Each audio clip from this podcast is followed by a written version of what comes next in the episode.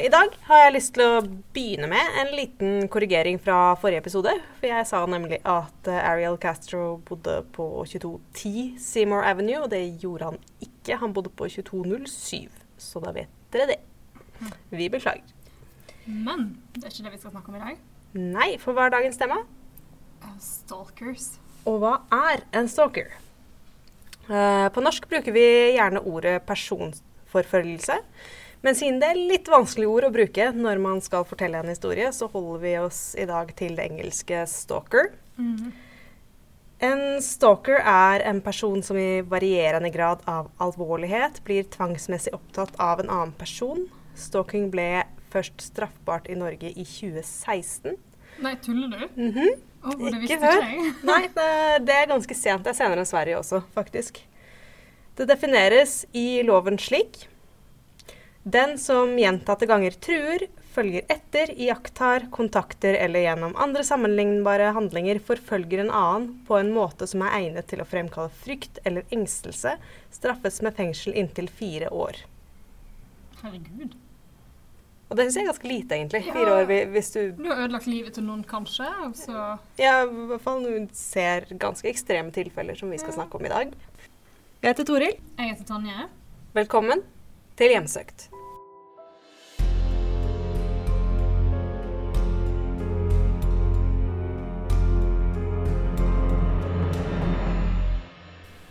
Jeg skal snakke om The Watcher of Westfield, eller som oversatt blir Vokteren av Westfield. For i 2014 så hadde familien Brothers endelig kjøpt drømmehjemmet. Huset lå på 657 Boulevard, hvilket var et veldig attraktivt nabolag. Eh, Maria Brothers, moren i familien, hadde vokst opp i nærheten av nabolaget, mens mannen hennes, Derek, var arbeiderklassegutt og hadde arbeidet seg opp karrierestigen, slik at han til slutt tjente nok til å kunne kjøpe et så attraktivt hus. Altså, The Boulevard var the street to live on. Altså, prislappen på huset var 1,3 millioner dollar. Det tilsvarer uh, i skrivende stund 11,3 norske. Oi. Hun hadde jo en velstående bakgrunn. Mm. De skulle pusse opp huset, og det drøyde derfor litt før de flyttet inn. Eh, tre dager etter kjøpet var i boks, så var Derek i huset for å male. Og det var sånn typ ti på kvelden. Så oppdaget han at det var kommet et anonymt brev. Mhm. Og brevet de lød slik. Kjære nye nabo i 657 Boulevard. Tillat meg å ønske dere velkommen til nabolaget. 657 Boulevard har vært gjenstand for familien min i flere tiår nå, og når det nå nærmer seg sin 110. fødselsdag, er jeg blitt ansvarlig for å følge med og vente på det neste. Bestefaren min voktet over huset på 1920-tallet, og faren min voktet over det på 1960-tallet. Nå er det min tur. Kjenner dere til historien til huset? Vet dere hva som befinner seg inni veggene på 657 Boulevard? Hvorfor er dere her? Jeg kommer til å finne det ut. Jeg ser at dere allerede har fylt 657 Boulevard med håndverkere, slik at dere kan ødelegge huset slik det var ment å være. Tsk, tsk, tsk. Dårlig trekk. Dere bør ikke gjøre 657 Boulevard ulykkelig. Dere har barn. Jeg har sett dem. Så langt har jeg talt tre stykker. Jeg ba Woodsene om nytt blod, og det virker som om de har lyttet. Vil dere fylle huset med det nye blodet jeg har bedt om? Bedre for meg. Var det gamle huset deres for lite for den voksne familien deres? Eller var det grådighet som førte barna til meg? Så snart jeg vet hva de heter, vil jeg kalle dem til meg. Hvem er jeg? Det er hundrevis av biler som kjører forbi 657 Boulevard hver dag. Kanskje er jeg en av dem? Se på alle vinduene dere kan se fra 657 Boulevard. Kanskje jeg er en av dem? Se ut av vinduene på alle menneskene som passerer 657 Boulevard hver dag. Kanskje jeg er en av dem? Velkommen, mine venner. Velkommen. La festen begynne. The Watcher. Æsj! Mm, og det var sent. Uh, og han opplevde jo naturlig nok brevet som svært ubehagelig, Mhm. så han ringte politiet. Og det kom en politimann til huset, og han leste brevet og sa så Warning for foul language. Uh, hva faen er dette her? OK. Han spurte om Derek hadde noen fiender, hvilket han, så vidt han erkjente, ikke hadde. Mhm. Og anbefalte så at Derek flyttet bygningsmaterialet slik at den såkalte vokteren ikke kunne bruke det til å knuse vinduene og bryte seg inn i huset. Oh. For det lå jo masse bygningsmaterialer utenfor. Og så dro Derek hjem for å skrive en mail til familien som hadde bodd der før. Det var jo det eh, vokteren refererte til som eh, Woodsene, altså The Mm. Woodses. Det var de som hadde eid huset tidligere. OK. Og de bekreftet at de hadde fått et brev rett før de flyttet. Mm. Men i og med at det var det eneste brevet de hadde fått i løpet av de 23 årene de hadde bodd der, så hadde de ikke tatt det seriøst. Så de, de sa bare at de hadde oppfattet brevet som merkelig, men ikke som truende. Mm. Så det var jo dermed blitt kastet. Så da vet man jo ikke hva som faktisk sto i det i dag. Mm. Okay. Men det er jo mye det skal sies at uh, mange av disse brevene uh, er mangelfulle fra hva som faktisk sto der. Ikke alle brevene ligger uh, ute i sin fulle form. I hvert fall så vidt jeg kunne finne. Det er veldig mange brev, og jeg har forsøkt å finne så mange altså, som det er, gjør, lar seg gjøre å bruke på den. Mm. Men som sagt så meldte de det til politiet. Men det var jo veldig lite politiet faktisk kunne gjøre. For det var ingen indikasjoner på brevet om hvor det kom fra. Eh, bare at det var postlagt i nærheten. De meldte det jo som nevnt til politiet. Men det var jo veldig lite de kunne gjøre, siden det ikke var noen indikasjoner på, på selve brevet om hvor det kom fra. Eh, de fikk det dermed beskjed om at de ikke skulle nevne brevene til noen av naboene. Sånn for å ikke ja, ja, advare Ja. denne vokteren om at det var politi på saken. Da. Mhm. Selv om jeg tenker det allerede vært en politimann ved huset. Hvis han faktisk ser på huset, så vil han Mhm. formodentlig vite det. Ja. Men familien var jo naturlig nok svært nervøse i de kommende ukene. Hver gang de var i huset, så var de alltid på vakt, skikkelig nervene i høyspenn. Mm. Hvis barna kom utenfor synsvidde så mye som et lite øyeblikk, altså de løp inn i en liten krok av hagen som mm. uh, moren ikke kunne se, så, så ropte de på dem med en gang. Etter to uker så dukket det opp et nytt brev i postkassen. Mr. and Mrs. Braddis. Dog eh, feilstavet Braddis. Ah, ok.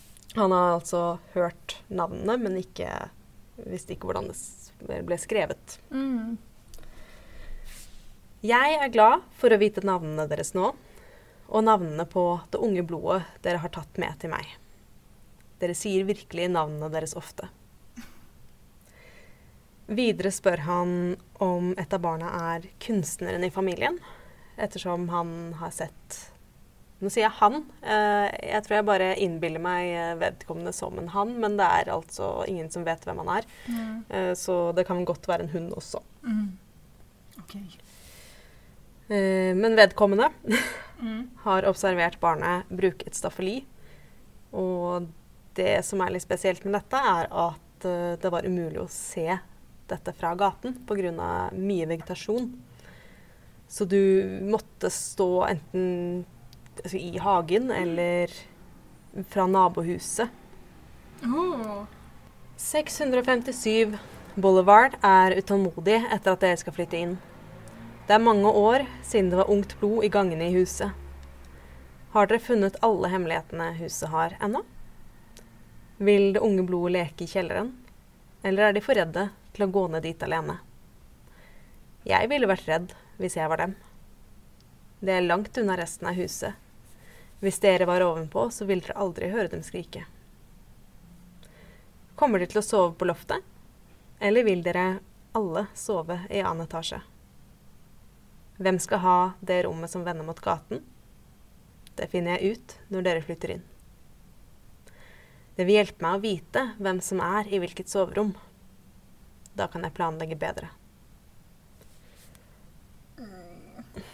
Alle vinduene og dørene i 657 Boulevard gjør det mulig for meg å vokte dere og følge dere mens dere beveger dere gjennom huset. Hvem er jeg? Jeg er vokteren, og jeg har hatt kontrollen over 657 Boulevard for størsteparten av to tiår nå. Woods-familien overlot det til dere. Det var deres tur til å dra videre, og de var vennlige nok til å selge det da jeg ba dem om det. Jeg passerer mange ganger om dagen. 657 Boulevard er jobben min, livet mitt og min besettelse. Og nå er dere også det, Brothers familie. Velkommen til produktet av deres grådighet. Grådighet er det som brakte de siste tre familiene i 657 Boulevard, og nå har det brakt dere til meg. Jeg ønsker dere en god innflytningsdag. Dere vet at jeg vil følge med. Og etter dette så sluttet Derek og Maria å ta med seg eh, barna til huset.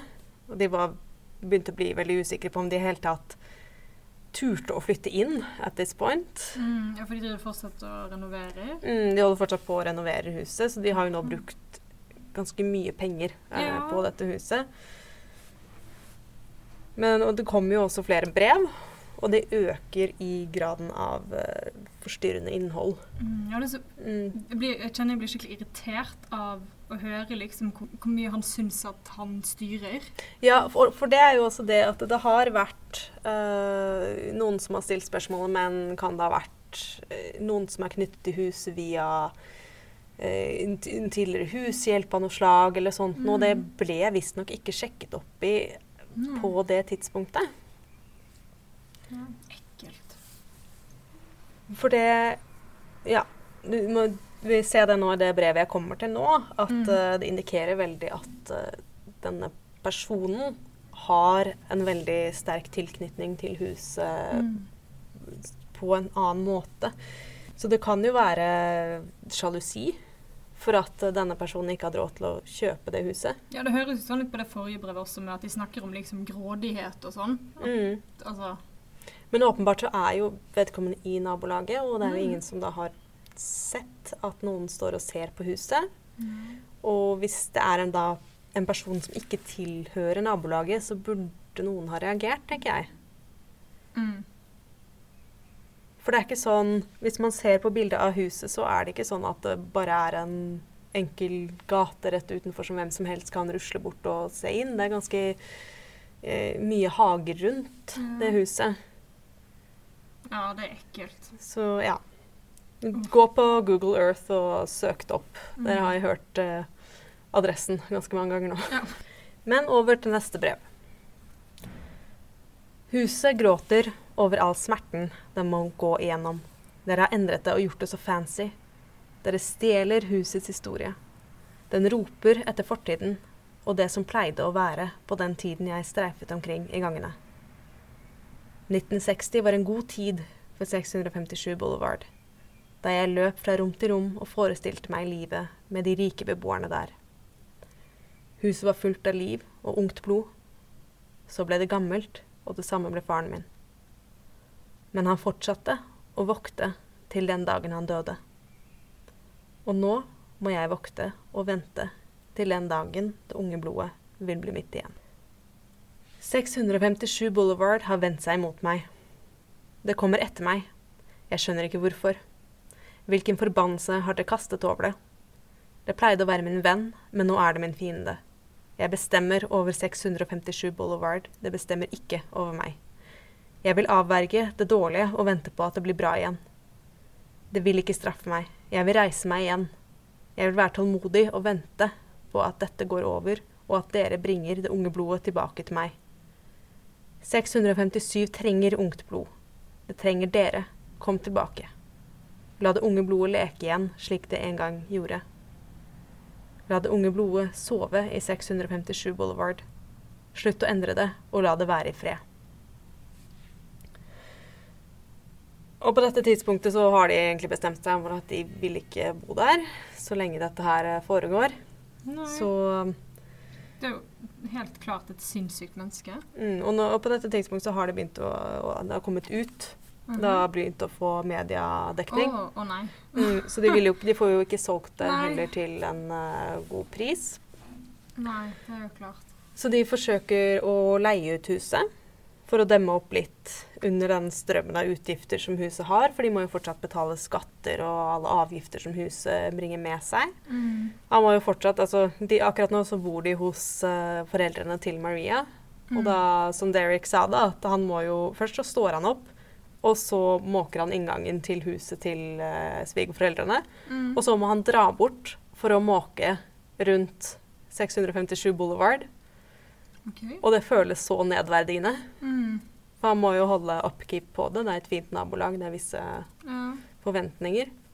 Og folk lurer på hvorfor de, har jo lurt på hvorfor de ikke flytter inn. ja.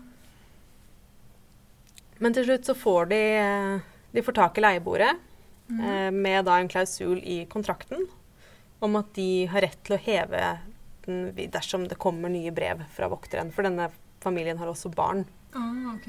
Så de er litt sånn Ja, men eh, det går sikkert fint, men da har de muligheten Ja. til å droppe det. Men det kommer et brev. ja, selvfølgelig. 657 Boulevard overlevde deres angrep og sto sterkt med sin hær av tilhengere til å barrikadere portene. Mine soldater av Boulevard fulgte mine ordre til punkt og prikke. De fullførte sitt oppdrag og reddet sjelen til 657 Boulevard etter mine ordre. Hyll vokteren. Videre i brevet så nevnte han leieboerne og indikerte at vokteren kunne finne på å hevne seg. Kanskje en bilulykke. Kanskje en brann. Kanskje noe så enkelt som en sykdom som aldri forsvinner, men får deg til å føle deg syk dag etter dag etter dag etter dag etter dag. Kanskje et kjæledyrs mystiske død. Kanskje din kjære plutselig dør. Fly og biler og sykler krasjer. Bein brekker. Ja. Så til slutt så vil ikke eh, ja, Dette det første brevet så godtar de å bli boende litt lenger, men så vil de ikke mer. Nei. Og det er jo ingenting som hjelper. De finner jo ikke ut hvem det er. De forsøkte å få revet huset og få laget to hus som de da kunne selge for en Mm. høyere pris, da, for da får de jo to hus. Ja. Men det fikk de jo ikke tillatelse til. Å dele opp eiendommen. Okay. For den var akkurat for liten til, uh, Ah, til det de hadde råd De hadde lov til så var det sånn 70, Mm. 70 kvadratmeter kunne de dele i, men ikke noe mindre. Og den var sånn 67,8 eller noe sånt. Ah, Så frustrerende. ja. De fikk til slutt solgt huset, men til et stort tap. Jeg tror de fikk sånn 900 000 dollar for det. Mm. Og da Så de har de jo skylder ganske mye nå, med andre ord. Ja, de sitter jo med et mortgage. Mm. Og, og selv da de hadde leid det ut, så var det jo Altså, utgiftene på huset dekket ble jo ikke dekket av eh, leieinntektene engang. Så det er jo et dyrt hus å ha, da. Å tenke hvor mye de har hatt i utgifter på dette huset i den tiden de har hatt det, og ikke mm. bodd i det. Og dette var drømmehuset deres. Mm. De forsøkte å saksøke de tidligere eierne, men de fikk da ikke medhold eh, av dommeren. Mm. Eh, grunnen til at de forsøkte, er at det er noen stater i USA som har lovbefestet at man må legge ved informasjonen dersom det har skjedd noe med huset. Eh, være seg et mord, eller om huset er regnet som hjemsøkt til og med. Altså det har vært dommer eh, ah, okay. hvor, hvor noe sånn er, de burde sagt ifra at det var hjemsøkt, hmm. faktisk. Eh, men det gjelder jo da ikke for New Jersey, som er eh, Ah, okay. her.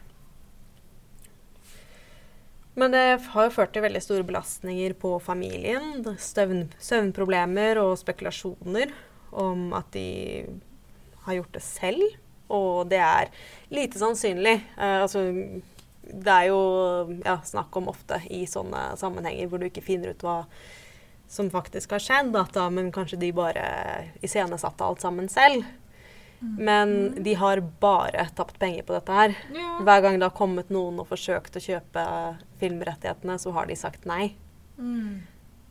Så det fins faktisk en film som er inspirert av dette her. Eh, men eh, den avviker en del. Okay. Eh, for de har jo ikke rettighetene til det. Nei. Men Derek ble mer og mer paranoid. Og til slutt så krysset han en grense selv og sendte stygge brev til naboene. Fordi han ja, var så var ganske sint og frustrert. Men i alle dager, det løser jo i hvert fall ingen problemer. Nei, det ble jo bare en sak eh, hvor folk var ganske misfornøyd. Han kunne også finne på å gjemme seg i huset nattestid i håp om å liksom kunne hoppe fram og Å, finne ut hvem det er. ja. Men det funket jo aldri. Da ja. Et liv ødelagt. Er desperat, sikkert. ja, ordentlig økonomisk eh, dragsug. Mm. Da de hadde visning før salg, så forsøkte de å sammenligne håndskriften i brevene med de som kom og signerte for man måtte skrive inn navnet sitt Mm. på visning. Men det var jo ingen som lignet. Mm. Eh, det var en stund én mistenkt. Og det var en litt merkelig familie som bodde i nabolaget. eh, The Langfords. Moren var 90 år, og alle sønnene hennes bodde fortsatt hjemme, og de var i 60-årene. Okay. Eh, faren i huset, Robert Langford, han hadde dødd tolv år tidligere. Og det var da den ene sønnen, Michael, som var mistenkt. Eh, politiet hadde ham da inne til avhør, men utenom det faktum at mye av det han sa til politiet visstnok skal ha matchet brevskriverens tidslinje, eh, er det som sies. Okay. Ehm, så var det ingen bevis som kunne felle han. Men Michael var av interesse fordi han hadde gjort mye rart før. Eh, han hadde diagnosen schizofren. Eh, og han, hadde, han, han gjorde ting som at han bare gikk gjennom folks hager og kikket gjennom vinduer på hus som var under oppussing. Men ja, eh, det er litt sånn Nummer én, uh, dette har han gjort åpenlyst. Ja. Og det har vært vennlig.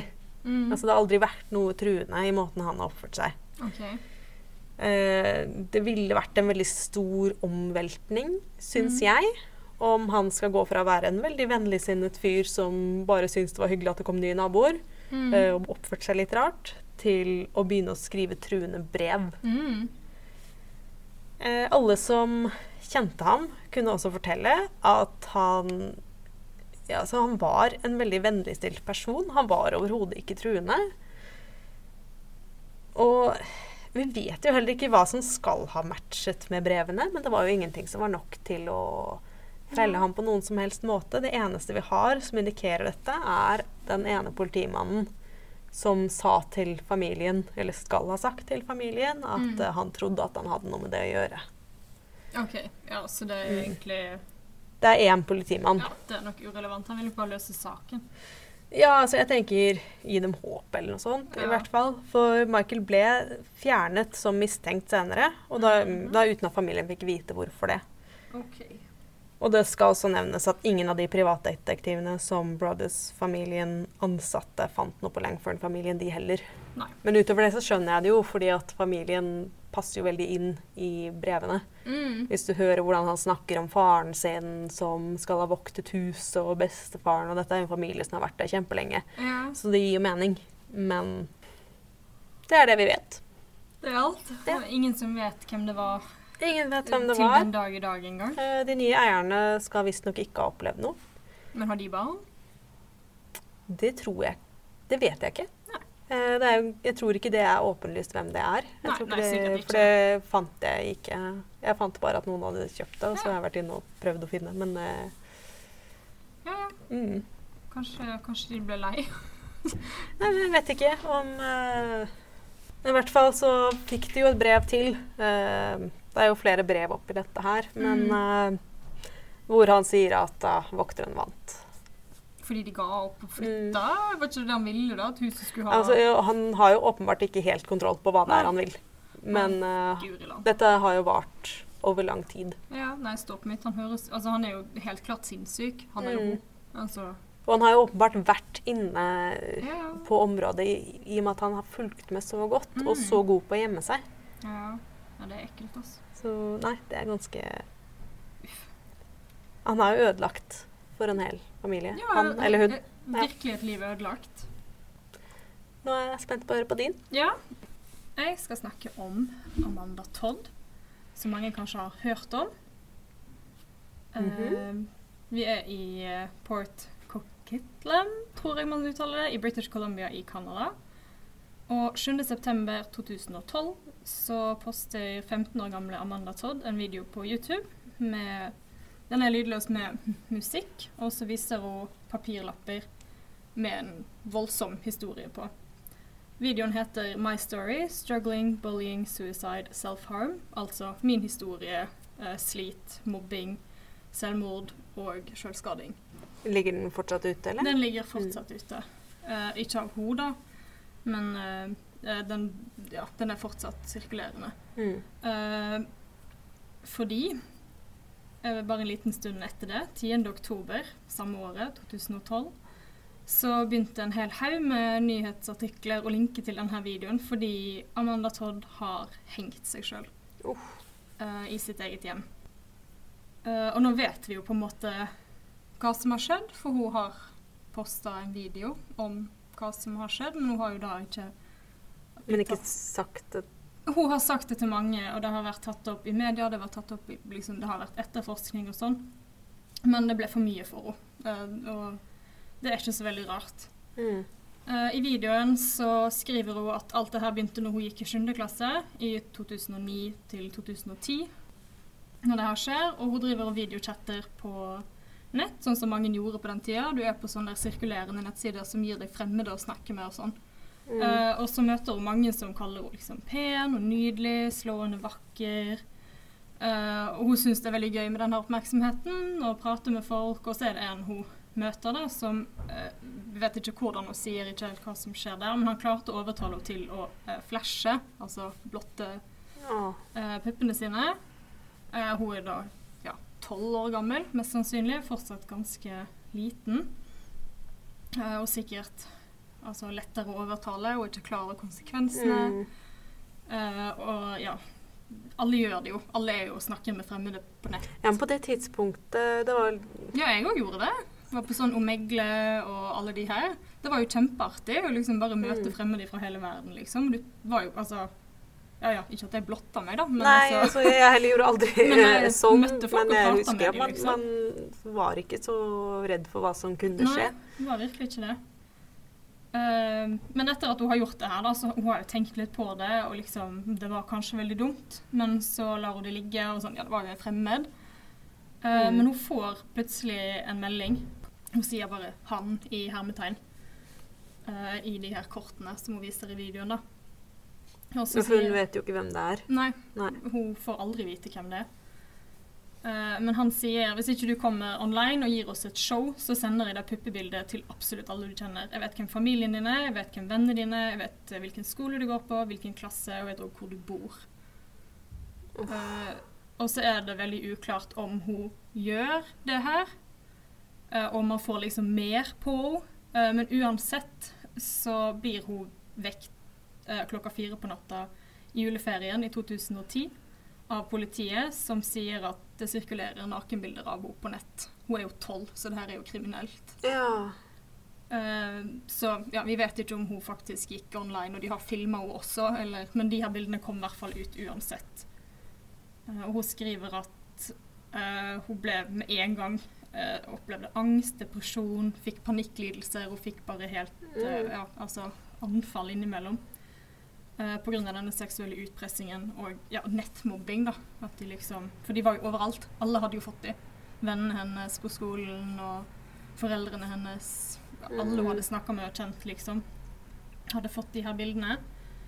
Eh, og hun ble jo kjempeplaga på skolen fordi altså barn er jo helt forferdelige i den alderen. Det er jo om å gjøre og liksom status hele tida. Mm. Uh, så hun ble jo kalt en tøs og en hore, for hun hadde jo tydeligvis vært med på det her. For hun hadde jo blotta seg og hadde jo vist puppene sine til noen. Så ja, de bare Ingen ville være med henne, miste mista alle vennene sine. Uh, og de, det ble så ille at hun bytta skole.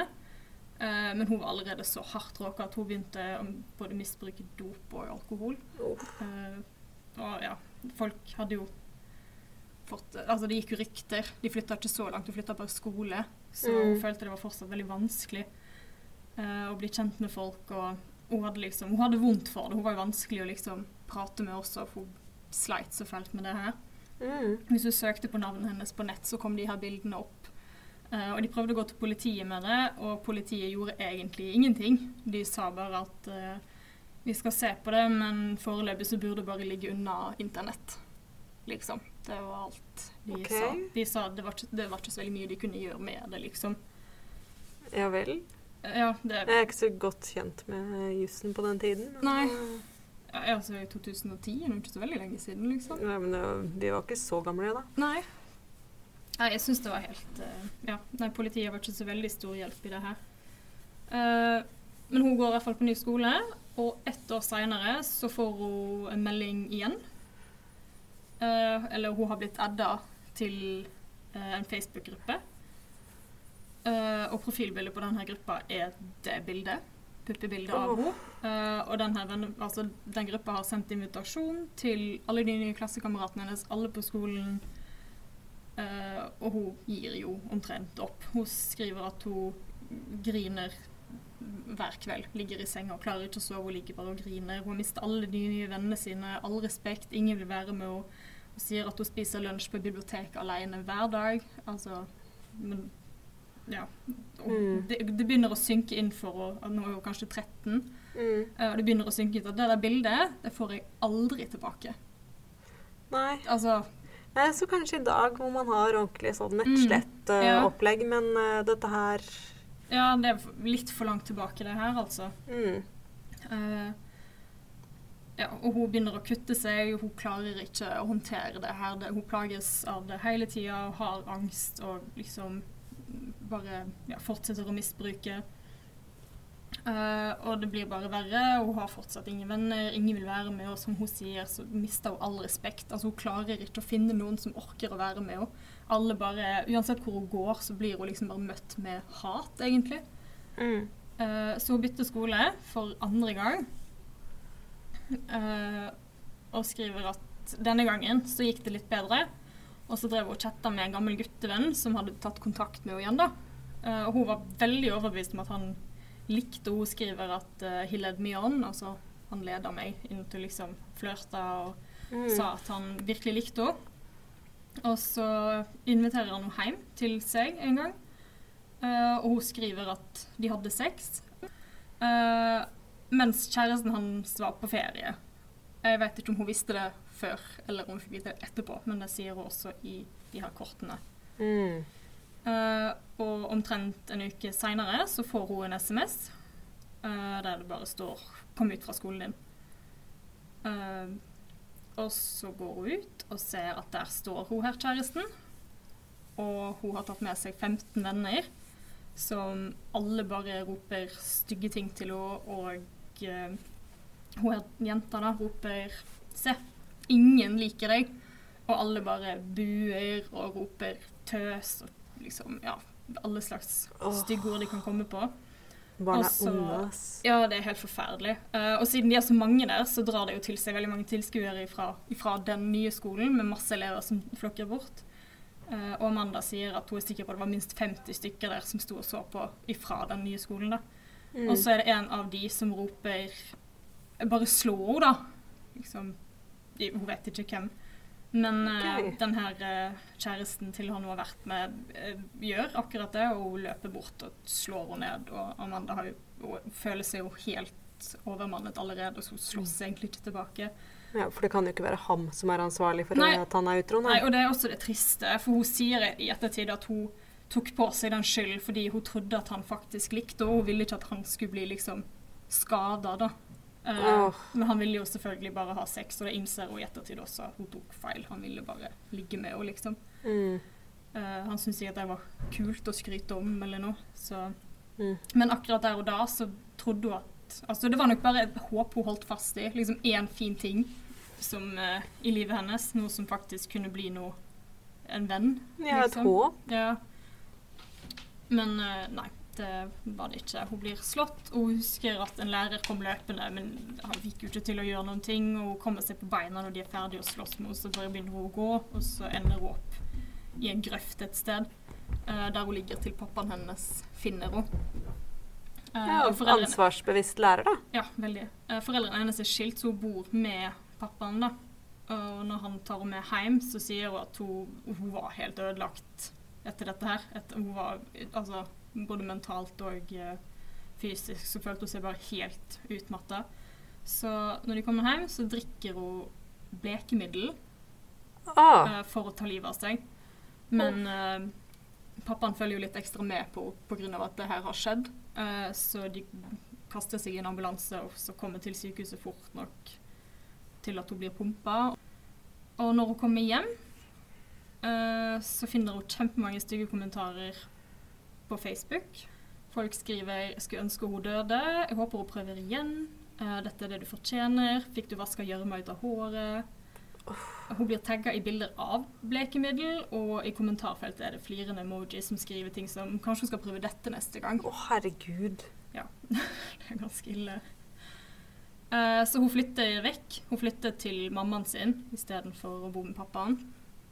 Eh, for, bare for en ny start.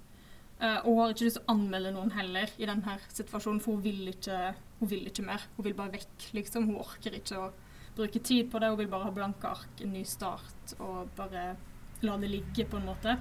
Mm.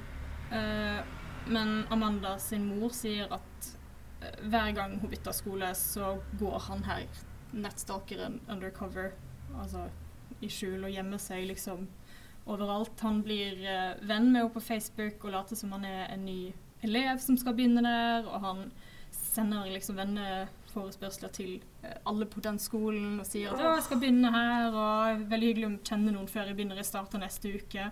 Og så snart han liksom har mange mennesker, føler han, så bytter han profilbildet til uh, puppebildet til Amanda, og Å, creep. mm, ganske kjekk sånn. Eh, ja, så seks måneder etter at hun har bytta skole, så får hun fortsatt kjempestygge meldinger og blir hengt ut på nett.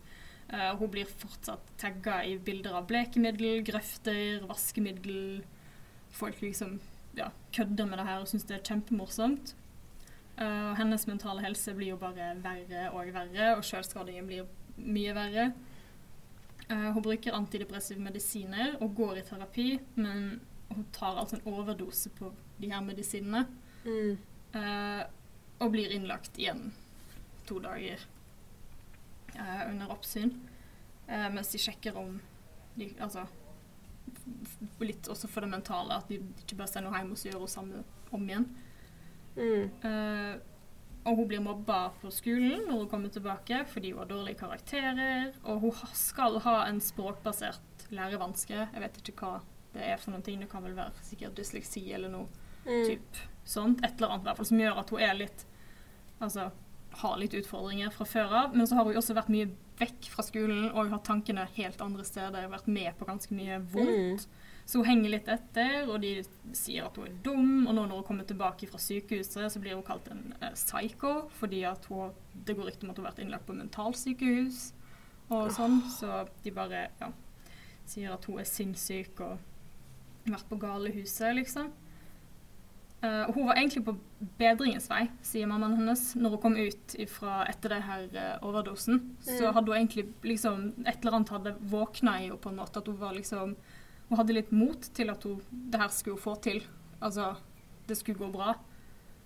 Uh, men når folk holder på sånn at de begynte å kalle henne en psycho og alt det der, så fikk hun sånn tilbakefall. Hun gikk inn i en ganske dyp depresjon med en gang. Eh, og liksom ble veldig inneslutta, og det var vanskelig å få kontakt med henne. som helst ville Ja, det vil jeg tro. Det er ganske mye denne jenta skal gjennom, altså. Altså, at hun holder ut så lenge, er eh, Ja, nei, det er Ganske ganske, sjukt. Uh, så etter den her tilbakefallet, da, så uh, Det er ikke så langt unna når hun faktisk legger ut denne videoen. Og i slutten av videoen så skriver hun 'Jeg har ingen. Jeg trenger noen. Jeg er Amanda Todd'. Eh, og så 10. oktober 2012, et par måneder etterpå, rundt klokka seks på kvelden, så blir hun funnet hengende i sitt eget hjem. og da er jo 15 år gammel. Så ja, typ tre år med tortur pga. én mann som ville ha et nakenshow fra en tolvåring på nett. Ja, og som ikke ga seg. Nei. Uansett hvor hun dro, ja. så var han bare sånn Alle skulle få med seg det her. Alle hun møtte, skulle få med seg det her bildet. Men jeg håper, jeg håper virkelig at alle disse som har mobbet henne i døden, har dårlig Ja, samvittighet nå, vet altså. Jeg prøvde faktisk å finne informasjon om det. Spesielt hun kjæresten som banka henne. Mm. Liksom, bare har hun sagt noen ting? Har hun sagt at hun angrer eller beklager seg eller noen ting? Uh, men ja, jeg fant ingenting på det. Altså, kanskje hun er skjerma, men det burde jo Amanda fått. Hun burde jo fått skjerma Ja, identitet. det, altså, noen burde ha gjort noe. Mm. Men jeg fant litt på uh, saken, da.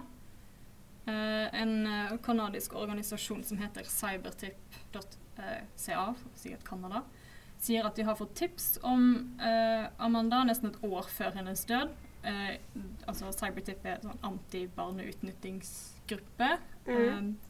Og de sier at de har fått flere bekymringsmeldinger om at det sirkulerer nakebilder av en tolv år gammel jente på nett. Eh, de kan ikke gjøre noe med det, eh, men de vet også at politiet har blitt varsla om det her, så det har vært visst eh, det her, at det har vært et problem. Mm. Og de har også visst om det etter at hun har lagt ut denne videoen der hun forklarer sin situasjon og hvor ille det er. Og hun har fortsatt ikke fått noe hjelp. Altså ikke nok hjelp til at hun legger ut den videoen, og så tar hun livet av seg kort tid etterpå. Liksom det, det kunne vært gjort veldig mye etter den videoen. Ja. At noen kunne tatt grep. Uh, men ja, flere uh, journalister holdt på å si, finner jo ut at politiet har gjentatte ganger sagt det er ingenting vi kan gjøre med denne saken. De har bare lagt den vekk, liksom. Uh, og det som heter The Royal Canadian Mounted Police, eller RCMP, og British Columbia, som var det kan man si, fylket eh, hun bodde i, politiet der, eh, har alle hatt fulltidsetterforskere på saken for å prøve å finne ut hva det er som er forløpet til hennes selvmord. Eh, etter at de har fått denne videoen, så innser de jo at det er jo egentlig kriminelt, det som har skjedd. Hun har jo blitt utpressa og liksom utnytta til hun ikke orka mer, liksom. Bare blitt hjemsøkt av de her nakenbildene.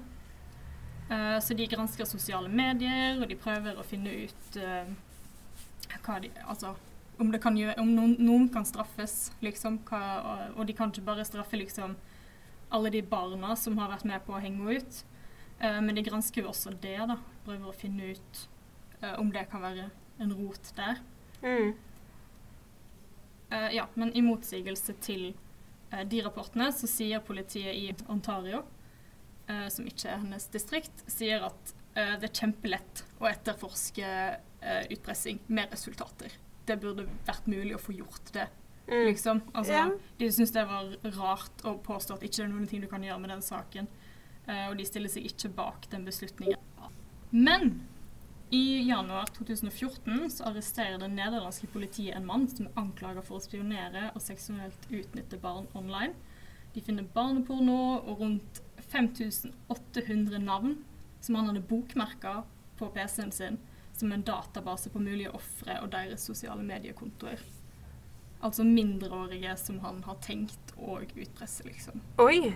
Ehm, og han, de finner, altså, de finner blant annet eh, bevis på at han kan ha vært med på å hetse Amanda. Amanda sin mor sier at hun tror ikke bare det var én som holdt på med Amanda. Hun tror at det var kanskje én som starta det, men hun tror at det er flere som har blitt med på det her. Eh, Eh, som- Men hun er veldig takknemlig for at hun ble informert om han her, da. At han skal, for han skal nemlig eh, inn til rettssak, og den rettssaken den pågår faktisk ennå.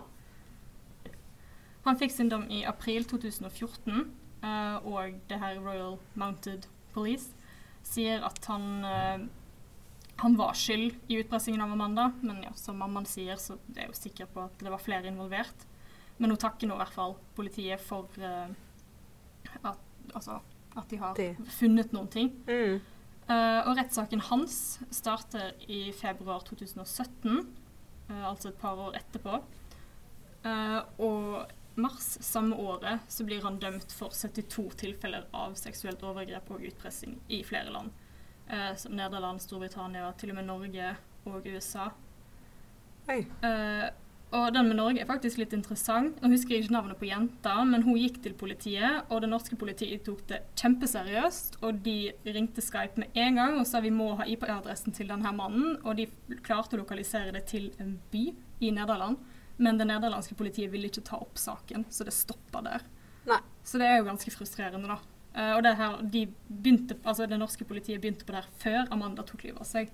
Så det kunne kanskje ha blitt løst Ja. uh, før det. Men det er jo spekulasjon, selvfølgelig.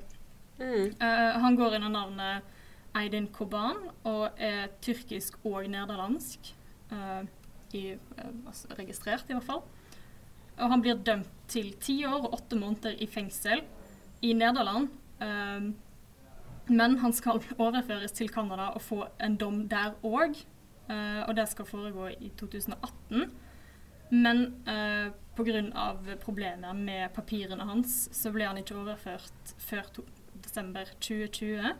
Så den rettssaken skulle starte nå, februar 2021, og skal fortsette i april. Men dommeren har gitt et kjempesterkt publiseringsforbud på alt som foregår rundt denne saken, så vi vet ingenting. Oi. Men ja, han fikk i hvert fall ti år eh, i Nederland, da. Og så skal Mm. han få en ekstra i Canada pga. det med Amanda.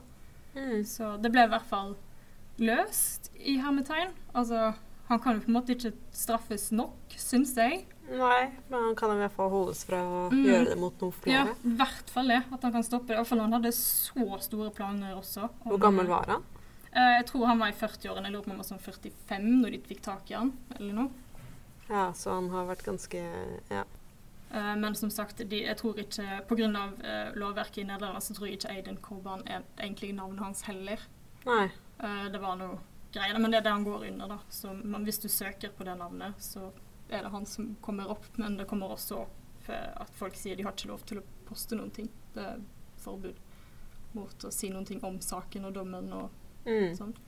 Så ja, nå i april så skal det tydeligvis ha vært en ny rettssak på han, så det er jo litt sånn Jeg visste ikke det før jeg begynte. Nei, var- nei, men det er jo spennende. Ja, Ja. så, men ja, jeg syns det var veldig fint å lese at de faktisk fikk tak i noen. Ja, Eh, forholdene tatt i betraktning. Så Ja, ja. Så, det, så kan det i hvert fall la være at det skjer med noen flere. Men, eh, men jeg husker faktisk denne saken uh, når hun la ut den videoen. Ja, men det, det husker jeg også, Det- faktisk. Med 15 år, liksom. Ja. Hengte seg også. Hun har jo ikke begynt å leve engang. Nei. Uff.